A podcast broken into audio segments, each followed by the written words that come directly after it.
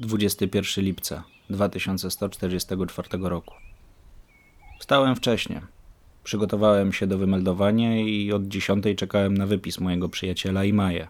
W głowie miałem widok niszczyciela przecinającego niebo nad Kalifornią i życia z kobietą, która mnie dopełniała. Maja okazała się kobietą pełną niespodzianek. Przygotowała papiery do przeniesienia.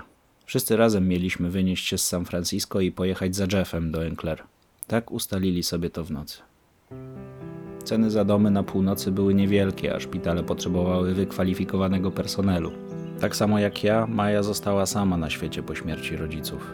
Mówiła, że ma jakieś koleżanki, ale ona była podekscytowana wyprowadzką chyba bardziej od nas dwóch. Jeff zjawił się w recepcji około godziny 12. Maja zwiozła go na wózku. Po minie wnioskowałem, że nie był zbyt zadowolony, ale był cały. Po 13.00 siedzieliśmy już w busie. Bez awantury się nie obyło. Wszystko poszło o wózek Jeffa. Kierowca miał podziurki w nosie słuchania wymówek weteranów z wojny, którzy zachlewali się albo jeździli ze swoim tobołem po całym kraju. Maja przemówiła mu do rozsądku kilkoma sformułowaniami wcale nie gorszymi niż sierżanta Batisty. Zapowiadała się przed nami długa podróż. Byłem bardzo podekscytowany, tym bardziej, że siedzieli ze mną mój anioł i przyjaciel.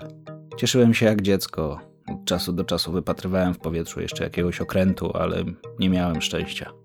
Jeff cały czas opowiadał nam o swoim domu i o miejscu na ślub. Mój i Maj. Pierwsza rzecz urząd. Jako, że w Stanach funkcjonowało rozporządzenie o obowiązkowej rejestracji ludności, razem z moją przyszłą żoną i twoją matką musieliśmy się zarejestrować. Jak już wspomniałem wcześniej, przeludnienie było widoczne gołym okiem. Jak dobrze pamiętam, dopiero po strajku w 36 weszło w życie to rozporządzenie. Gdyby rząd miał więcej pieniędzy, z pewnością chipowaliby ludzi jak strażnicy. Sytuacja na świecie bardzo się zmieniła. W samym San Francisco przesiadywało tysiące bezdomnych i rannych z amputacjami czy urazami. Kiedy wyjechaliśmy z miasta, naszym oczom ukazały się slumsy. Ciągnęły się kilometrami. Kierowca oczywiście zrobił kilka przystanków w mieście, żeby zabrać pasażerów, ale poza miastem nikt by się nie odważył. Wojsko i policja pilnowali porządku w obrębie San Francisco, ale poza nim rządziły dzikie szajki. Firmy przewozowe musiały pewnie sporo zapłacić za nasze bezpieczeństwo, to i dlatego bilety były koszmarnie drogie. Tych, których nie było stać na busa, już nie wspomnę o pociągach, a o samolotach można było zapomnieć, musieli drałować na piechotę. Ludzie w tamtych czasach nie osadzali się na stałe. Masowe przeprowadzki ufundowane przez rząd i korporacje skutecznie uprzykrzały życie ludziom. Tereny dostatecznie wygodne lokalizacyjnie korporacje kupowały i stawiały swoje fabryki.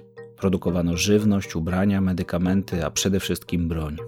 Na świecie było tyle sztuk amunicji, że na każdą osobę wystarczyłoby z 2000 pocisków, a całą Ziemię zaludniało wtedy około 17 miliardów istnień. Rozumiesz już, dlaczego tak my, ludzie starej daty, przeżywamy tę tragedię. W każdym razie dowiedziałem się tego dopiero po przyjeździe do Enclair z mojego Etuna. Wyciągnięcie go w busie groziło kradzieżą albo inną katastrofą. Wszyscy skakali sobie do gardeł. Wyrywali jedzenie z ust. Liczyło się przetrwanie. A informacje o nowych miejscach pracy, najbezpieczniejszych terenach do zasiedlenia czy ogólnych wiadomości były czymś drogocennym. Wiem, że wspomniałem to już nieraz i wybacz mi, ale przez większość swoich notatek opisywałem to małe pokrętne urządzenie, któremu zawdzięczam tyle wiedzy. W każdym razie do wieczora przejechaliśmy już szmat drogi, a końca nie było widać.